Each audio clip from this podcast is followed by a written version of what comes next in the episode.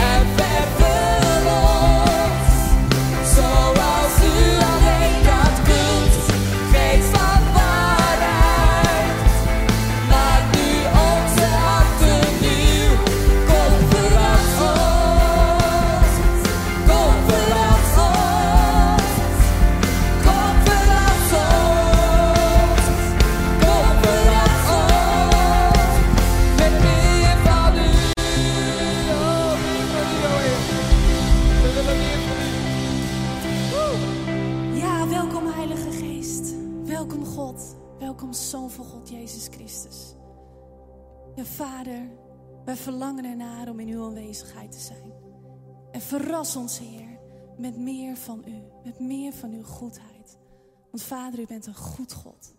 En wij houden van u. En laten we dat deze ochtend ook zo naar hem uitzingen. Het is goed om te doen. Goed om tegen onze trouwe God te zeggen dat we van hem houden. En dat we hem nodig hebben.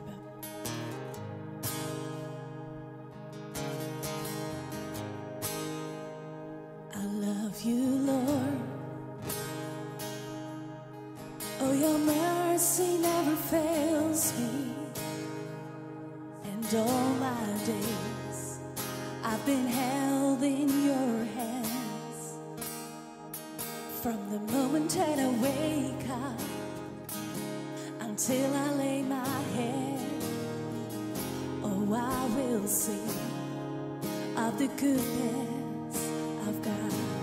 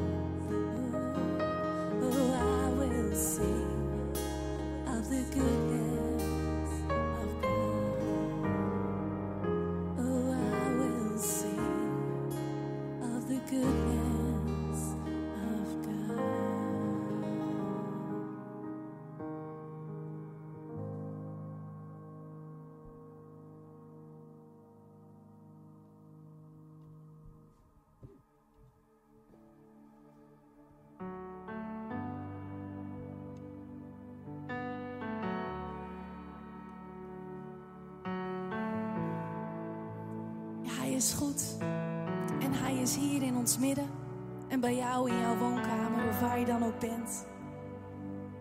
Hij is bij ons en Hij werkt door ons heen en in ons.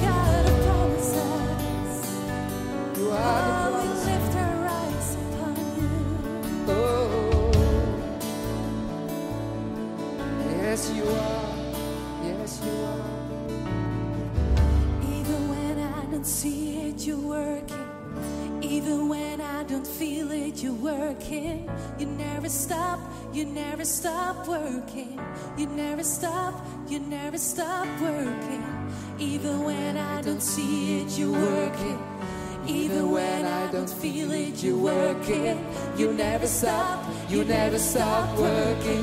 You never stop, you never stop working.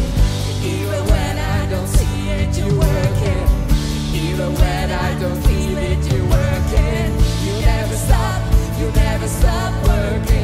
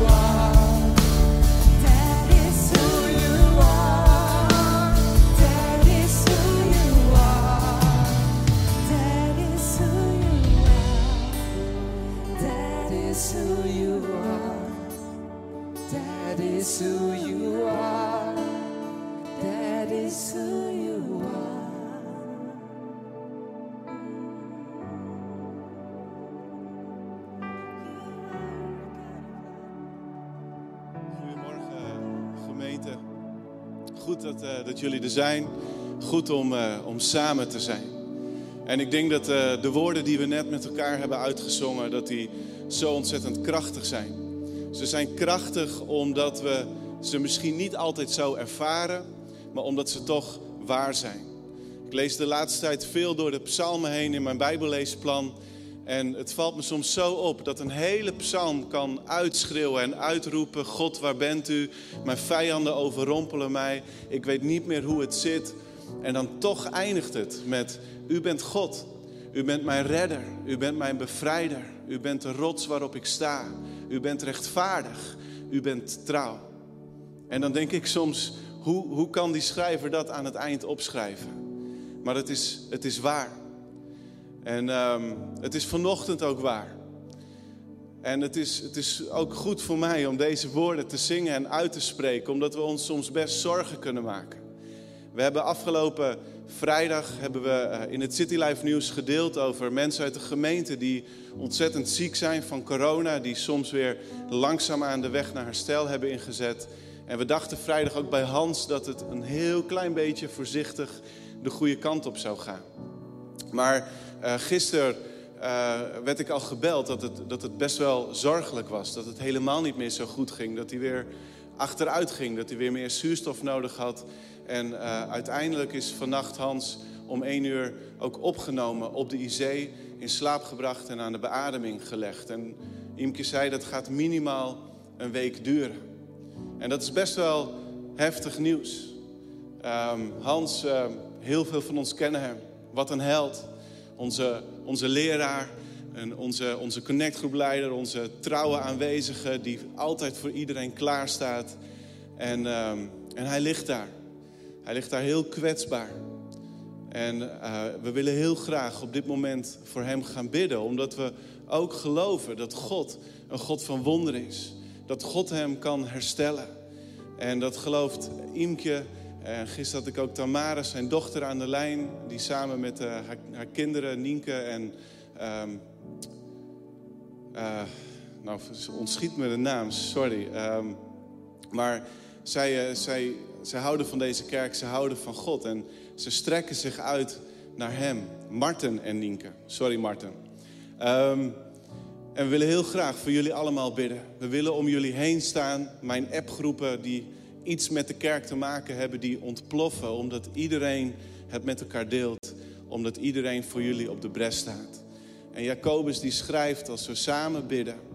Het gebed van de rechtvaardige vermag veel. Dus ik wil jullie vragen om op dit moment ook je uit te strekken naar God. En dat we samen voor hen in gebed gaan. God, onze machtige Vader, dank u wel dat u een, onze schepper bent en onze herschepper. Heer, dat u boven alles staat. Dat u de wereld in uw hand heeft. Dat onze levens in uw hand zijn. Dat we veilig en geborgen zijn bij u. Heer, wat onze omstandigheden ook zijn. Heer, en dat geldt ook voor Hans. Heer, u bent hem nabij. U staat naast hem. U houdt van hem. Heer, en wij houden van Hans. Heer, en als we aan Hem denken, Heer, dan, dan gaan we op de knieën, Heer. Dan strekken we onze handen uit, Heer. En dan smeken we en bidden we U in geloof, in de naam van Jezus. Genees Hem. Heer, wilt U Hem oprichten? Heer, wilt U zijn, zijn longen weer het vermogen geven om zelf het lichaam te voorzien van de nodige zuurstof? Heer, wilt U zijn leven zijn, Heer? Heer, wilt U helemaal Hem doorstromen met Uw kracht? Heer, en we bidden voor Imke. Heer, die ook nog ziek is. Heer, die gisteren ook weer een mindere dag had. Heer, die thuis moet blijven in quarantaine, terwijl haar man daar ligt. God, wees haar nabij. Heer, strek uw hand uit naar haar, merkbaar en tastbaar. En dat bidden we voor Tamara en voor Marten en voor Nienke, Heer, voor de andere dochter. Heer, we bidden dat voor iedereen die om hen heen staat. Heer, troost ons. Wees ons nabij en hoor ons gebed. En God, we danken u voor deze dienst ook. Heer, dat we, dat we samen mogen zijn in deze tijd. Heer, we zegenen het. We zegenen Arnoud die gaat spreken. Heer, dank u wel dat hij bij ons is. Heer, iedereen die nog een bijdrage heeft.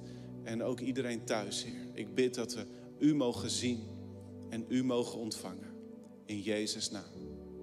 Amen.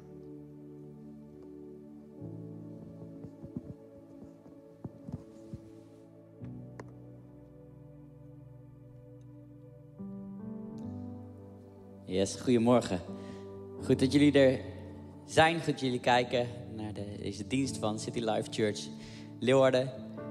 Ja, wat een, wat een introductie. En normaal kom ik met iets meer energie en enthousiasme zo'n podium op. Maar dit, uh, dit raakt, dit raakt ons, dit raakt mij. Omdat het onze gemeente raakt. Omdat het een van onze gezinsleden raakt. En uh, tof om zo met elkaar ook, uh, ook nu dan gemeente te zijn. Om Hans en Imke heen te staan en, uh, en voor ze bidden.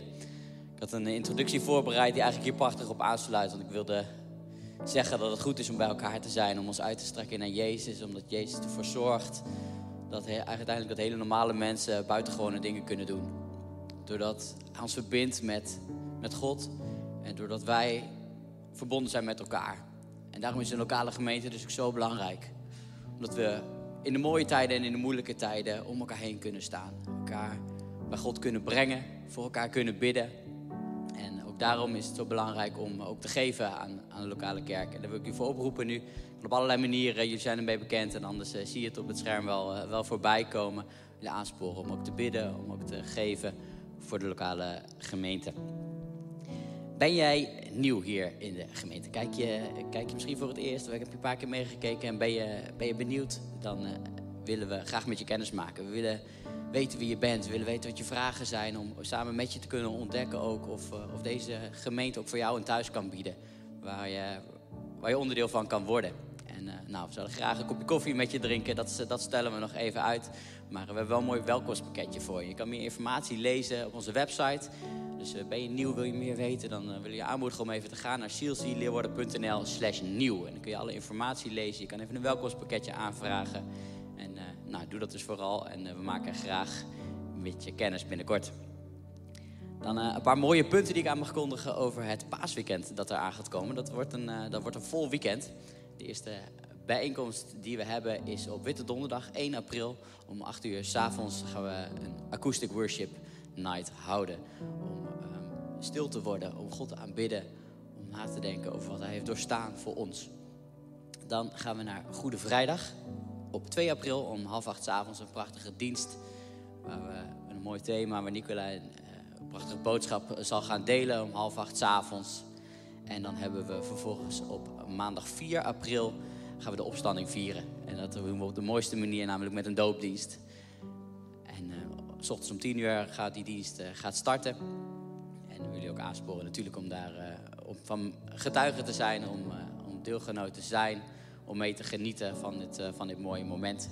En natuurlijk niet alleen jullie die nu allemaal kijken, maar we hopen dat dit natuurlijk ook een mooi moment is voor, eh, voor een hoop nieuwe mensen om eh, eens een keer mee te kijken. Om eens te kijken wat Pasen nou echt betekent en wat het kan betekenen voor je. En daar hebben, we- hebben jullie hulp natuurlijk bij nodig. Dus we willen jullie vragen om ook zoveel mogelijk de promotiematerialen die we hebben, eh, die we delen, om die, eh, om die zelf ook weer te verspreiden. Jullie hebben de beste ingang tot, eh, tot je buren, tot je vrienden, tot je collega's. We delen via social media allerlei prachtige, prachtige posters en flyers. We hebben ook een fysieke flyer die bijvoorbeeld ergens voor je ramen kan hangen. Die kun je opvragen via communicatie.clcleeuwarden.nl en dan zorgen we dat er een bij jou thuis komt. Dus een eh, om iedereen uit te nodigen in je omgeving om, eh, om deelgenoot te zijn van de mooie paasdiensten die we gaan houden. Dan nog een poster die je aan kan vragen. En er was een tijdje geleden was er zo'n mooie actie dat iedereen een beertje voor zijn ramen zette. Dat was heel leuk als je dan door de stad liep. Overal kon je weer beertjes zien. De kinderen hebben ervan genoten. Dit lijkt er een beetje op. Ik moest er in ieder geval direct aan denken. Het is een initiatief van, eh, van meerdere kerken samen. Eigenlijk door heel Nederland eh, gaan we een spoor van liefde verspreiden. En door middel van een poster die je voor je raam kan hangen. Dus de bedoeling dat je, dus als je die poster dan voor je raam hebt hangen, en dat als andere mensen door de, door de straten lopen, dat je overal dat spoor van liefde kan herkennen. Om zo een stukje licht, een stukje hoop in de duisternis die veel mensen ervaren, om, eh, om dat bekend te maken. Dus zo'n poster kun je ook opvragen via communicatie.clcleeuwarden.nl. Dan gaan we weer naar het laatste item. En dat is natuurlijk de Bijbelvers Challenge. Dus laten we kijken wat het geworden is. Goedemorgen allemaal. Dankjewel Eva voor de nominatie. Mijn favoriete Bijbeltekst is Hebreeën 4:16. Laten wij daarom vrijmoedig naar de troon van God gaan om van Hem genade te ontvangen, om hulp te krijgen, juist in die ogenblikken dat wij het moeilijk hebben. Ik vind dat heel mooi dat we hebben vrijheid in zijn aanwezigheid. Ik wil graag Monica nomineren voor de volgende keer. God zegen, dankjewel.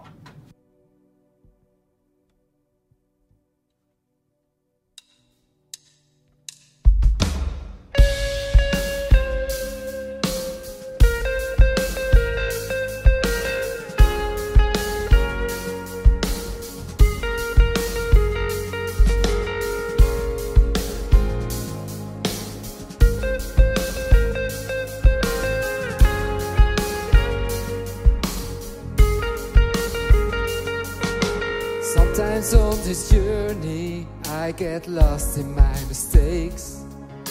What looks to me like weakness is a canvas for your strength.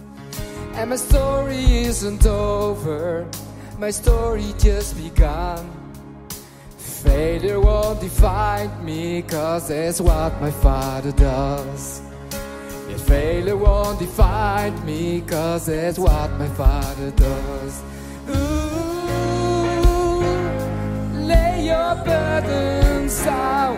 Oh, here in the Father's house. Check your shame at the door, cause this ain't welcome anymore. Ooh,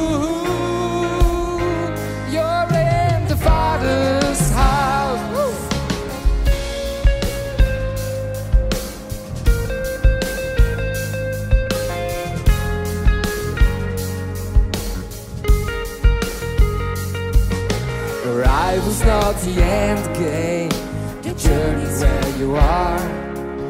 You never want the perfect, just just want my heart. And the story isn't over if the story isn't good.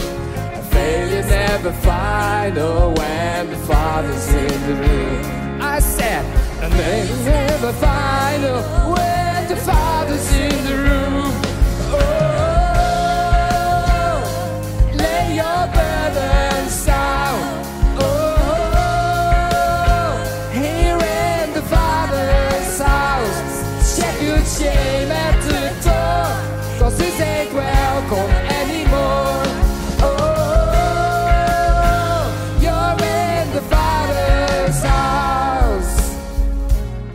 Yes, you're in the Father's house now. Woo!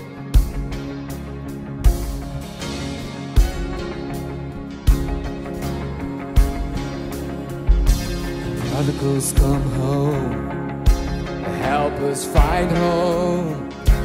Love is in the move when the Father's in the room. Prison doors hang wide, the dead come to life. Love is on the move when the Father's in the room. Miracles take place, the cynical find faith.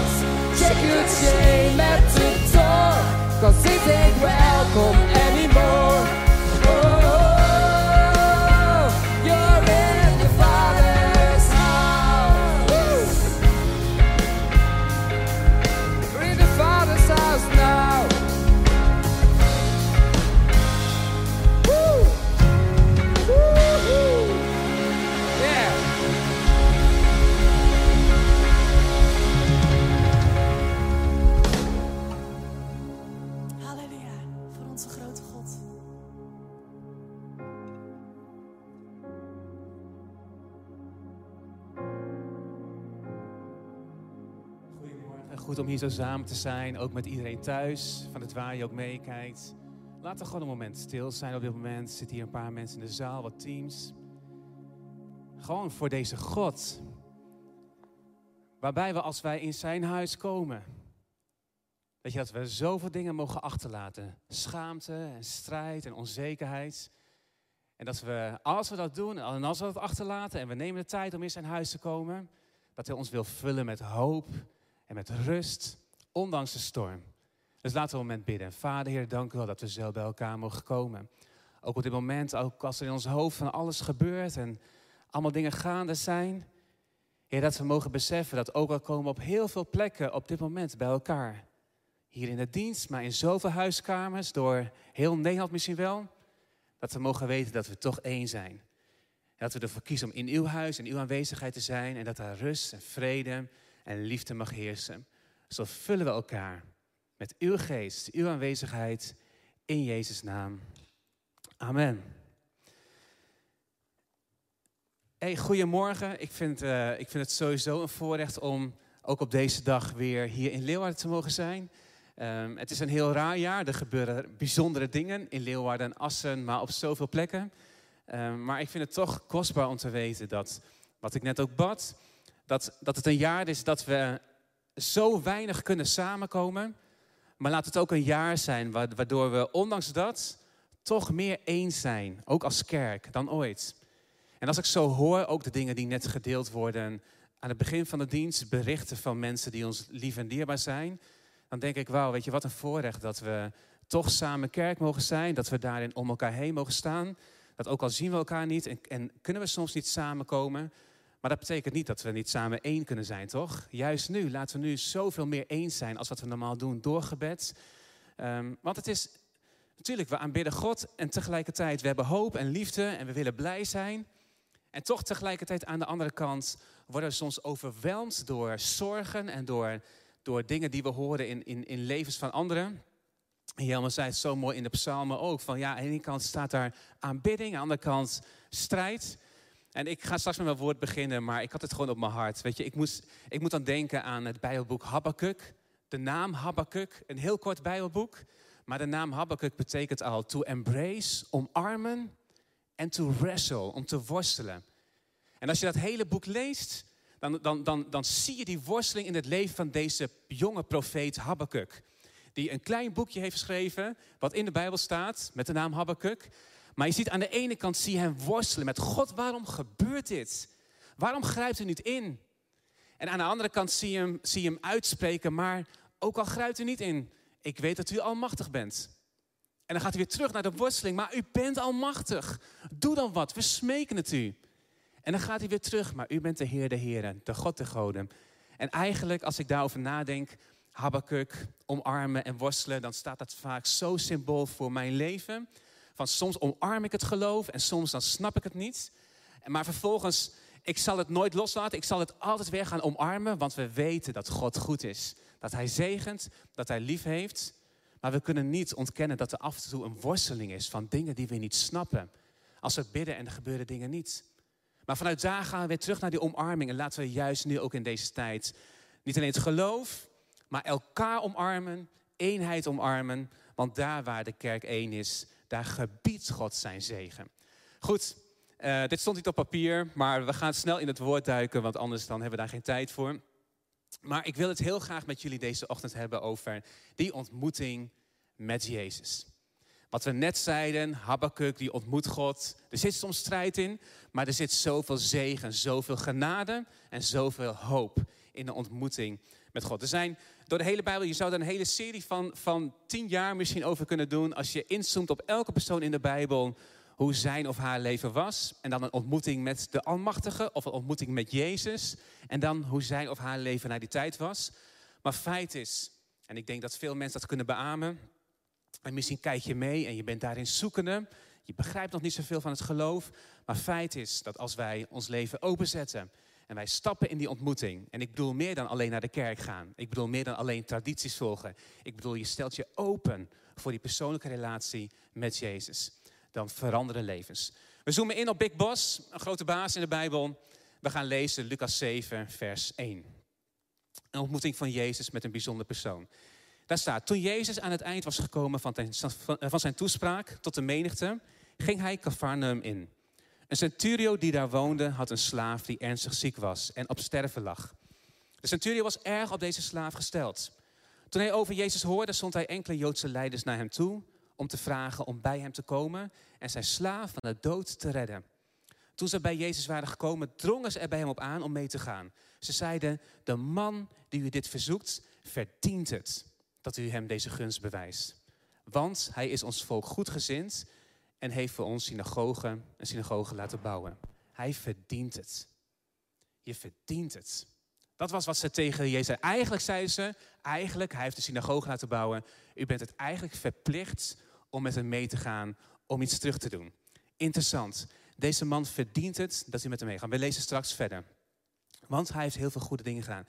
Iets verdienen, als we daarop inzoomen. Ik weet niet hoe het zit in jouw leven. Ik kijk even naar de teamleden, want dat zijn degenen die ik voor me heb. Maar ik ben, ik ben opgevoed. Ja, ik ben opgevoed. Ik hoop jij ook. We zijn allemaal opgevoed. Maar we groeien op in ons leven met... Uh, als je goed doet, dan verdien je wat goeds.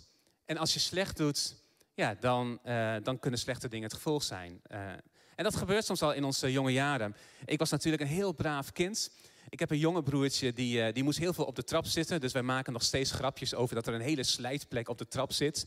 Want dan moest hij dan tijdens het eten moet hij zitten als hij weer niet luisterde. Hebben we meer van die jonge broers of zussen uh, in onze families hier in Leeuwarden? Of zijn we heel braaf hier?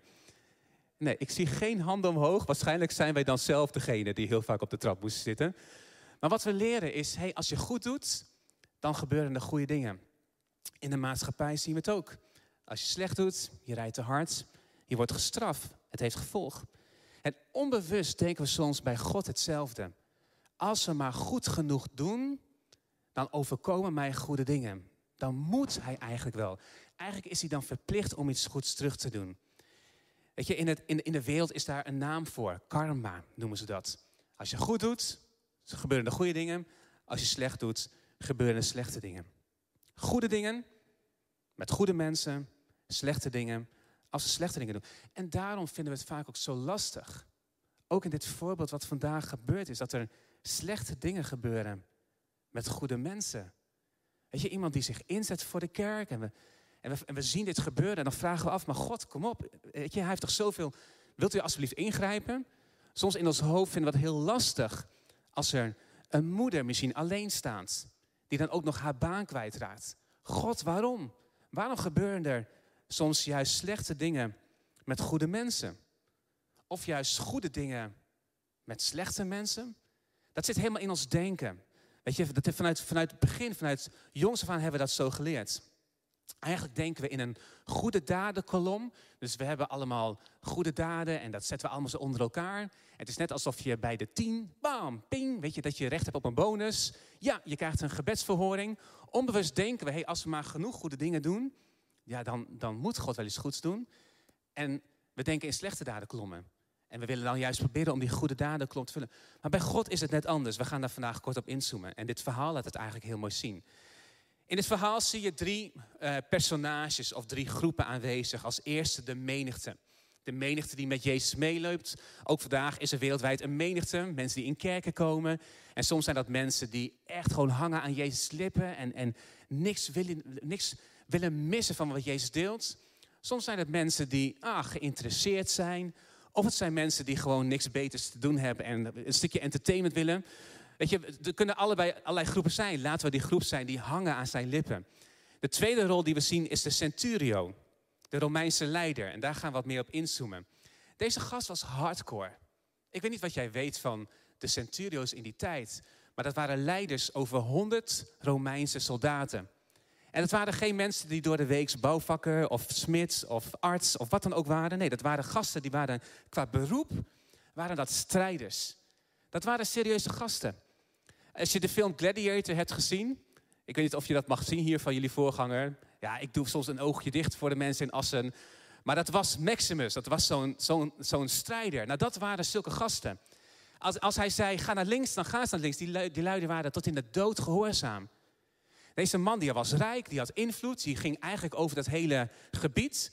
En zijn taak was om rust en vrede te bewaren in Cavernaum. Dat was zijn, zijn job en daarom was hij daar.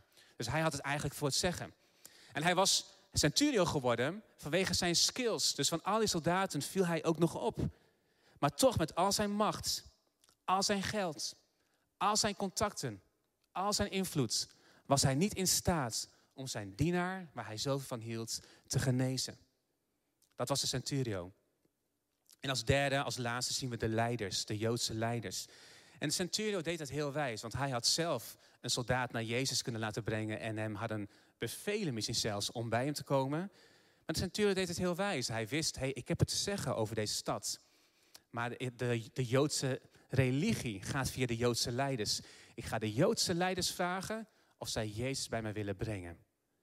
En uiteindelijk zie je dat de Joodse leiders niet bij Jezus komen met de vraag: hey Jezus, even, even snel tussendoor. Ik weet dat we niet altijd even goede vrienden zijn. Maar die centurio die heeft een synagoge laten bouwen en die wil dat, dat u even bij hem komt. Ja, het hoeft niet hoor, maar als u tijd heeft zou het leuk zijn. Nee, de staat, ze drongen er zelfs bij hem op aan. Weet je, natuurlijk wilden zij goed in de gunst komen bij de centurio, want die had een synagoge laten bouwen. Maar ze drongen er bij Jezus op aan. Alsjeblieft, wilt u naar hem toe gaan? Dat was niet alleen goed voor hun, dat was ook goed voor die centurio. En zij wilden dat contact goed houden. Ze drongen er bij hem op aan. En dan zien we uiteindelijk dat zij zeggen: hey, kijk naar de, naar de goede dadenkolom van die centurio. Hij is een goede man, hij heeft goede dingen gedaan, hij helpt zijn volk, hij heeft zelfs de synagoge laten bouwen. Dus eigenlijk verdient, u het, of verdient hij het dat u heen gaat. Maar nogmaals, karma is niet bijbels. God werkt niet op die manier. Ook hebben wij dat van jongs af aan, hebben wij dat denken meegekregen. Hoe enorm wij ook denken vanuit goed en fout. God kijkt anders. 1 Samuel 16, vers 7 laat het al heel kort zien. Daar staat, maar de Heer zei tegen Samuel, let niet op zijn uiterlijk, kijk niet hoe groot hij is, ik heb hem niet uitgekozen. Wat je van buiten ziet, is niet belangrijk. Daar kijken mensen altijd het eerst naar. Maar ik let erop hoe een mens van binnen is. God kijkt naar ons van binnen. Weet je, want ook al deed die centurio hele goede dingen. Tuurlijk, hij had er zelf ook wat aan. Het zegt niks goede dingen doen, zegt niks over je motivatie. Het is goed om goede dingen te doen en blijf dat doen. Maar God kijkt naar onze motivatie. Een van de motivaties van de centurio was om een synagoge te bouwen om rust te bewaren in die stad. Want een opstand was duurder, uh, kostte meer geld door het Romeinse Rijk dan hey, een keer een synagoge laten bouwen om de boel rustig te houden. Er staat niet dat dat zijn motivatie was, maar we kunnen allerlei motivaties hebben om goede dingen te doen. Maar nogmaals, hoe groot onze goede dadenklom ook is, het zal nooit genoeg zijn om de liefde, de aandacht, de genade van Jezus te verdienen. Dat kan niet. Hoeveel synagoges jij ook gebouwd hebt in je leven, en ik denk dat er niet zo heel veel zijn. De Centurio had er in ieder geval één gebouwd nog. Hoeveel je ook hebt gedaan, de Centurio kon de aandacht van Jezus niet verdienen. En dan kijk ik naar mij. Ik ben zondig. We zijn allemaal zondig. Niemand van ons, hoe vol onze goede dadenlijst ook is, kan de genade van God verdienen. We kunnen enorme lijsten hebben, maar niemand verdient het. En toch, en toch kiest God ervoor. Kiest Jezus ervoor om ons genadig te zijn. Kijk maar eens mee als we verder lezen in vers 6. En toch, wat deed Jezus vervolgens met de centurio? Jezus ging samen met hen op weg. Hij ging geen preek houden tegen de Joodse leiders om hen het principe van genade uit te leggen. Goede daden klomt. Nee, weet je, staat heel makkelijk. Hij ging met hem samen op weg. Jezus doet in jouw leven wat jij niet verdient. Jezus doet in mijn leven wat ik nodig heb, maar wat ik niet had verdiend. Hij wist dat de centurio het niet verdiende. Hij wist dat, er, dat ook al zouden we al onze goede daden van heel City Life Church bij elkaar optellen, dat het nog steeds niet genoeg is om zijn aandacht te verdienen. Ook al zouden we alle goede daden van de hele wereld bij elkaar optellen. Het is nooit genoeg om zijn aandacht, om iets af te dwingen bij God. Hij was de centurio niks verschuldigd. En toch koos God ervoor om met hem mee te gaan. Jezus had hem kunnen negeren. Hij had gewoon door kunnen gaan. Zeggen, hij hoort niet eens tot het Joodse volk. Het is zelfs een overheerser, een vijand van het Joodse volk. Ik ga daar echt niet heen. Ik ben hem niks verschuldigd. Hij had met iemand te maken die het niet verdiende. Maar Jezus zag het als een kans, als een mogelijkheid om te laten zien dat het niet gaat om wat jij of ik verdienen. Of waar jij en ik vinden waar wij recht op hebben. Maar dat het gaat om wat God door zijn genade, wat hij kiest om te doen in jouw leven. Het is pure genade dat Jezus met de centurio meeging. Het is pure genade van God dat jij hier kan zijn of dat jij uh, online ons kan volgen. Het is pure genade van God dat we een plek hebben om te wonen. Het is pure genade van God dat we een kerk hebben waar we onderdeel van mogen zijn. Het is genade van Jezus Christus dat we Hem zelfs mogen dienen. En ik zeg tegen de mensen, ook in Assen, dienen is een voorrecht. Ik bedank mensen niet snel als zij op zondag dienen. Waarom niet? Tuurlijk ben ik ze dankbaar, maar ik wil ze niet laten zien dat ze het voor mij doen. Weet je, je doet het niet voor mij. We dienen allemaal dezelfde God. We mogen hen dienen. We doen het uiteindelijk, hoop ik, niet omdat we op het rooster staan, maar voor Hem. Niet om genade te verdienen, maar we doen het omdat we zo dankbaar zijn voor Zijn genade en Zijn liefde. Het is niet een oorzaak van onze redding, maar het is het gevolg van onze redding. Juist omdat we weten dat we genade en liefde hebben ontvangen, willen we niks liever dan ons dienen. Dan hem dienen. En weet je wat, het, wat, het, wat de beloning is van dienen? Weten we dat? De beloning van dienen is dat we hem nog meer mogen dienen. En dat vind ik zo mooi aan God. Als we ontdekken dat dienen een van de meest waardevolle dingen is die wij in ons leven kunnen doen, dan is de beloning van dienen ons inzetten. Uh, is niet een bedankje altijd van je leider, ook al denk ik dat dat heel goed is, maar is het besef en het feit dat we hem nog meer mogen dienen. Het is pure genade van God. En toch, wat doen wij als we voor ons gevoel, als wij tekortschieten, als we denken van hé, hey, ik heb een tijd te veel voor mezelf geleefd misschien, dan gaan we toch heel automatisch, omdat we het geleerd hebben, onze goede daden kolom vullen. Dan gaan we toch proberen om meer uit onze Bijbel te lezen, omdat we iets proberen te verdienen. Moet je doen, moet je blijven doen. Bijbellezen is goed, bidden is goed. We gaan toch proberen meer goede werken te doen. Dus dan zien we een omaatje op straat lopen. En dan, en dan helpen we de oma mee oversteken. Ook al wil ze helemaal niet oversteken. Nee, kom maar mee oma. We brengen haar naar de overkant. En weer terug. Ja, maar weet je, uiteindelijk is die oma helemaal moe van, van steeds oversteken heen en weer. Wij proberen maar goede daden te doen om die kolom te vullen. Uiteindelijk is die oma helemaal moe en zit ze op een bankje. En ze was al lang thuis misschien. Misschien wonen ze daar. Maar wij proberen ons best te doen. We proberen harder. Omdat wij denken, als je goed doet, dan zullen goede dingen gebeuren. Maar het is alleen genade van Jezus Christus. Pure genade.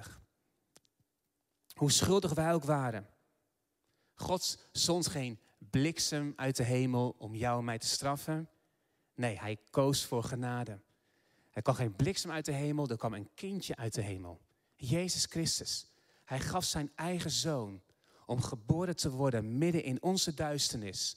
Om licht te zijn, juist op het moment dat wij het meest nodig hebben. Want hij wil niet alleen maar dat hij onze God is in de pieken, als alles goed gaat.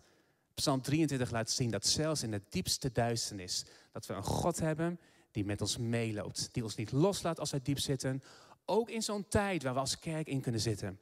Dat het genade is van God dat hij de hoogste prijs heeft betaald die hij kon betalen. Om juist nu één te zijn met ons. Ik merkte op de weg hierheen, ik heb Jan meegenomen. Die, uh, die gaat vaker mee en we, hadden, we waren een beetje aan het praten over de dienst. En hij zei van, hey Arnold, wist je nog dat je de vorige keer in, in CLC Leeuwarden sprak over Amazing Grace? En toen dacht ik, oh ja, we hadden het over genade. En toen zei ik, dat is wel grappig, want ik heb het vandaag weer over genade. Dus we zeiden al van, ja, ik weet niet of Leeuwarden dat nodig heeft, of dat ik dat nodig heb. Maar laten we zeggen, hey, we hebben het allebei nodig. Het is misschien een thema waar mijn hart vol van is, omdat ik zo verbaasd ben over het feit dat we het niet verdienen, maar dat God ervoor kiest om in genade met ons mee te gaan. Oké, hey, de centurio in ons verhaal begreep dit, dat hij het niet verdiende. Ik denk dat hij het beter begreep dan de Joodse leiders. Dus daarom zien we in vers 7, als het verhaal verder gaat. We, zijn, we gaan richting eind. Vers 7 staat, hij was al niet ver meer van het huis verwijderd. Toen de centurio, dus de centurio was nog steeds thuis en Jezus was onderweg. Dus ze hadden elkaar nog steeds niet ontmoet. En het leuke is, ze gaan elkaar eigenlijk helemaal niet ontmoeten. Maar zelfs in hun online verbinding veranderde zijn leven. Nou, dat is een mooi compliment, bemoediging voor de mensen thuis. Hij was al niet ver meer van het huis verwijderd toen Centurio enkele vrienden naar hem toestuurde. Met de mededeling, Heer, spaar u de moeite, want ik ben het niet waard. Zie je dat? Dat deze Romein, deze heiden, hij besefte wie hier onderweg naar hem was. Hij zei, ik ben het niet waard dat u onder mijn dak komt. Daarom ook achtte ik mij niet waardig om zelf naar u toe te gaan. Hij wist dat hij de hulp van Jezus nodig had. En hij wist tegelijkertijd dat hij het niet verdiende. Deze centurio had het misschien beter door dan de Joodse leiders. Dat het genade is. Dat hij, dat hij hier op dit moment genade ontving. En zo geldt het eigenlijk ook voor ons. We verdienen het niet. Maar gelukkig hebben wij een God die niet denkt in termen van wel of niet verdienen. Wij hebben een God die denkt in termen van liefde en genade. Ben je daar niet enthousiast over? Een God voor wie altijd hoop is. Onze hoop is zeker in een God waarbij niet afhangt van wel of niet verdienen, maar een God van genade en liefde. En dat betekent dus zelfs, en dat snappen wij niet, zelfs als mensen verkeerd doen, dat er goede dingen gebeuren. Want dat is genade. Dat is niet verdienen. Dat is dat God ervoor kiest dat ongeacht wat jij kiest om te doen, dat Hij toch genadig en vol liefde de zon laat schijnen over je leven, jouw leven wil vullen met Zijn zegen. En nogmaals, ik denk dat het goed is om te kiezen voor deze God van genade, om in een persoonlijke relatie met Hem te leven. Maar God is genadig en Hij geeft. Jezus ging naar de Centurio omdat Hij van hem hield. Niet vanwege wat de Joodse leiders, Hij heeft synagoge gebouwd. U bent verplicht om heen te gaan. Eigenlijk, als je dit verhaal samenvat, dit verhaal gaat helemaal niet over de Centurio. Het gaat over Jezus. Jezus die laat zien het principe wat genade in ons leven betekent. Ik wil vragen of toetsen voor, uh, opkomt. We gaan richting afronden. We gaan het laatste stuk lezen. Lucas 7, vers 8 tot 10. Hoe loopt het verhaal af? Als een big boss, een grote leider, echt een ontmoeting heeft met Jezus. De Saturo legt verder uit, maar u hoeft maar te spreken en mijn knecht zal genezen zijn. Ook ik ben iemand die onder andermans gezag staat en zelf weer soldaten onder zich heeft. En als ik tegen een soldaat zeg ga, dan gaat hij. En tegen een ander kom, dan komt hij. Als ik tegen mijn slaaf zeg doe dit, dan doet hij het. Toen Jezus dit hoorde, verbaasde hij zich over hem. Hij keerde zich om naar de menigte die hem volgde en zei, ik zeg jullie, zelfs in Israël heb ik niet zo'n groot geloof gevonden.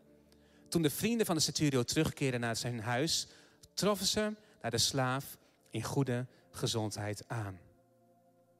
Wie je ook bent, waar je ook vandaan komt, hoeveel volgers je ook hebt, wat voor positie je ook hebt, hoeveel financiën je ook hebt, allemaal dingen die voor mensen zo belangrijk kunnen zijn, daar gaat het bij God helemaal niet om. Tuurlijk, het zijn prima dingen, maar het is niet waar God naar kijkt. God wil open harten vinden, waar hij zijn genade en liefde in kan laten planten. Wie je ook bent, God kijkt niet naar de buitenkant, hij ziet mensen. En als hij een mens ziet, dan gebeurt er iets in hem. Waarom? Omdat hij van ieder mens houdt. Omdat hij hetzelfde wil geven aan elk mens. Niet omdat wij onze goede dadenkolom zo, hebben, zo goed hebben gevuld, maar dat hij een God van genade en van liefde is. En de centurio had het inmiddels geleerd. Hij wist, hé, hey, mijn eigen macht en autoriteit schiet tekort. Ik heb zijn aandacht niet verdiend. Ik ben het zelfs niet waard. Ik ben het niet waard. En dat bracht hem in een, in een ingewikkelde situatie. Want ik ben het niet waard. Maar ik zit in een situatie dat ik hem nodig heb. Hij moet komen, maar ik, ik ben het niet waardig dat hij komt. En toch deed hij een beroep op Jezus. En Jezus wist dat hij het niet waard was. Maar hij koos ervoor om in zijn leven te komen. Is dat niet een bemoediging voor ons allemaal, wie ook bent, vanuit waar je ook meekijkt? Dat we in dezelfde strijd zitten. We hebben Hem nodig. We zijn het niet waard. Maar dat we een God hebben die ondanks dat zelfs zijn zoon liet sterven aan het kruis. Om juist dan te kunnen komen in ons leven. Hij had een grote autoriteit nodig. Hij had heel veel autoriteit en macht en financiën.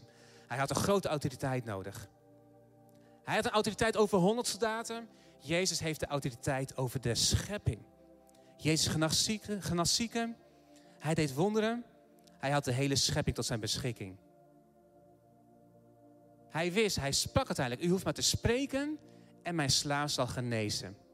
Doet je dat niet denken aan het eerste verhaal in Genesis? Eigenlijk beleidt Centuro hier dat Jezus de scheppende God is. De aarde, God sprak over licht en er was licht. Hij sprak over leven en er kwam leven. En de Centuro zei, u hoeft maar te spreken. Spreek, scheppende God in mijn leven. En mijn slaaf zal genezen. Mijn gebed voor jou vandaag is, wie je ook bent, is dat God spreekt in jouw leven. Omdat we een God hebben die als Hij spreekt, dat er leven, herstel, genezing, hoop komt in levens van mensen. Laten we afsluiten. Uiteindelijk zien we hier dat Jezus verbaasd was over zijn geloof. Hij geloofde God en Jezus verbaasde zich over het geloof van deze man. Al die eigenschappen, de rijkdom, de, de positie, de centuro, de leider, de functie die hij had, verbaasde hem niet. Maar hij vond geloof en dat verbaasde hem. Er staat twee keer in de Bijbel dat Jezus verbaasd was over geloof. Wist je dat? Twee keer. Dat Jezus verbaasd was over geloof van mensen. De eerste keer was in dezelfde stad dat hij geen geloof vond. Dat zien we, we gaan het niet helemaal lezen, maar Marcus 6, vers 5 en 6. Hij kon er geen wonderen doen en hij was verbaasd over hun ongeloof. Wauw. Dit is de tweede keer dat Jezus verbaasd is over geloof. En het gaat om een Romeinse man, een heiden. Niet eens iemand die tot het, tot het volk van God behoorde.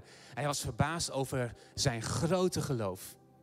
En dan vraag ik me af, als God kijkt naar mijn leven. En hij is verbaasd over mijn geloof. Is, het, is hij dan verbaasd over mijn ongeloof? Of is hij verbaasd over het geloof wat hij vindt? Laten we een kerk zijn, ook in Leeuwarden, die geloof hebben. Ook al lijken situaties onmogelijk. Niet omdat wij vinden dat wij een bepaalde uitkomst verdienen, maar omdat wij geloven en weten dat we een God hebben die kiest voor liefde en genade. En dat we daarin altijd hoop mogen vinden. Amen. Laten we een, een kerk zijn, daar waar God naar kijkt, dat Hij zich verbaast over ons geloof. Omdat we zelfs in een jaar waarin we niet eens kunnen samenkomen, dat we nog steeds hoop en geloof hebben dat God kan en wil ingrijpen en levens wil veranderen. We gaan afsluiten, we gaan bidden. Ik wil vragen of de band erbij komt. Maar de centurio zat in een crisis. Maar in een crisis vond deze big boss Jezus. Niet omdat hij dat verdiende, maar het was vanwege Gods oneindige genade. Laten we onze ogen sluiten. Ik wil graag gebed uitspreken over ons allemaal, waar we ook bij elkaar zijn, waar je ook zit. We zijn zo één op dit moment door zijn Heilige Geest die nu bij jou is en die bij ons hier is op dit moment. En daardoor mogen we één zijn. En ik bid dat we een besef mogen hebben dat we niet een God hebben van verdienen, maar een God die ervoor kiest om zijn liefde en genade met jou te delen, ook op dit moment. En dat we daardoor mogen weten dat in elke situatie, hoe de omstandigheden ook zijn, en ook al voelt het net als de naam Habakkuk, als worstelen met, met de praktijk en de situatie om ons heen, en aan de andere kant toch vasthouden, het omhelzen van God is goed, dat we hoe ons leven ook is, dat we mogen vasthouden aan een hoop die zeker is. Dit jaar, alles verandert, economieën verandert. Maar er is één lijn die altijd doorgaat en dat is de lijn. Dat is God in ons leven, Jezus Christus. Zijn hoop. Want deze hoop die zeker is, heeft een naam. Het is niet een ding, het is niet iets wat jij kan verdienen. Het is een naam en dat is Jezus Christus. Laten we bidden. Vader, zo komen op deze ochtend bij elkaar omdat ik geloof dat u ons opnieuw een openbaring wil geven van wat uw genade is. Het evangelie van Jezus Christus. Het allermooiste nieuws wat we ook op deze ochtend mogen horen. Heer, dat u niet zoekt naar buitenkant en mensen die dus alleen maar hun best doen om iets te verdienen. Maar dat u zegt nee, nee, nee. En u gebruikt het verhaal van deze natuur zo mooi om te laten zien. Hij verdient het niet, maar ik koos ervoor omdat ik een God ben van liefde en genade om met hem mee te gaan. Zo spreek ik uw zegen uit, uw liefde en genade over iedereen die nu meekijkt. Dat we niet hoeven te verdienen, maar dat we mogen weten dat we het ontvangen door geloof in u. Vader, zo zegen ik aan ieder, ook voor jou als je thuis zit. Misschien wil je opnieuw een keuze maken. Of misschien maak je voor het eerst een keuze voor Jezus in jouw leven. Ik daag je uit om je hart te openen. En te zeggen, God Heer, wilt u welkom zijn in mijn leven? Ik heb het zo lang geprobeerd. Ik ben zo lang bezig geprobeerd om, om, om, om perfect te zijn in uw ogen. Maar ik kan dat niet. Net als de centurio kom ik op het punt dat ik ontdek, hé, hey, ik ben het niet waard. Maar het is door uw keuze, door uw genade, dat ik mijn leven aan u mag geven. Wilt u komen in mijn leven? Vader, zo zegen we iedereen die nu met zijn hand op het hart staat, in een huiskamer, slaapkamer of aan de keukentafel. Wilt u komen in ons leven, net zoals dat u kwam in het leven van de centurio. En wilt u hun leven zegenen. Wilt u vanaf vandaag hun redder zijn, hun leidsman en onze allerbeste vriend. En boven alles, onze hoop, die zeker is, Jezus Christus. In Jezus' naam, amen.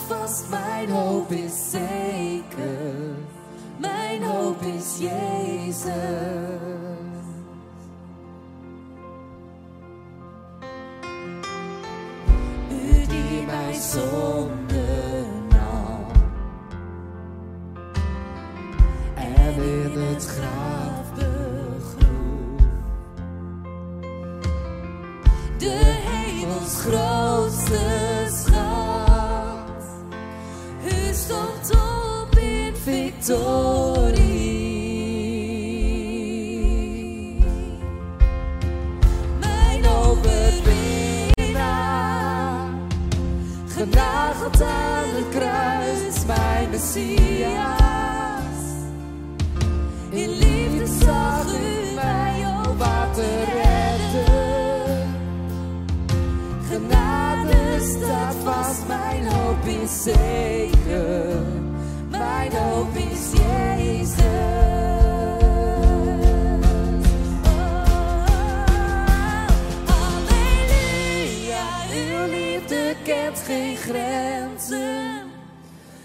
Halleluja, u overwon de dood. Halleluja, mijn vaste grond, mijn fundament.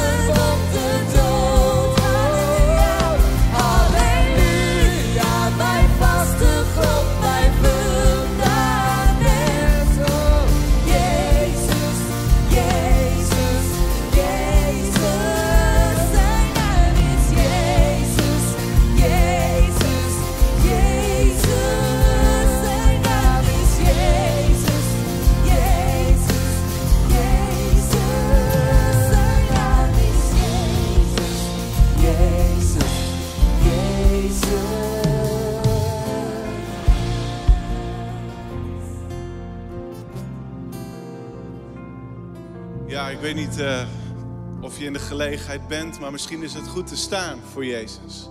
Om Hem te bedanken.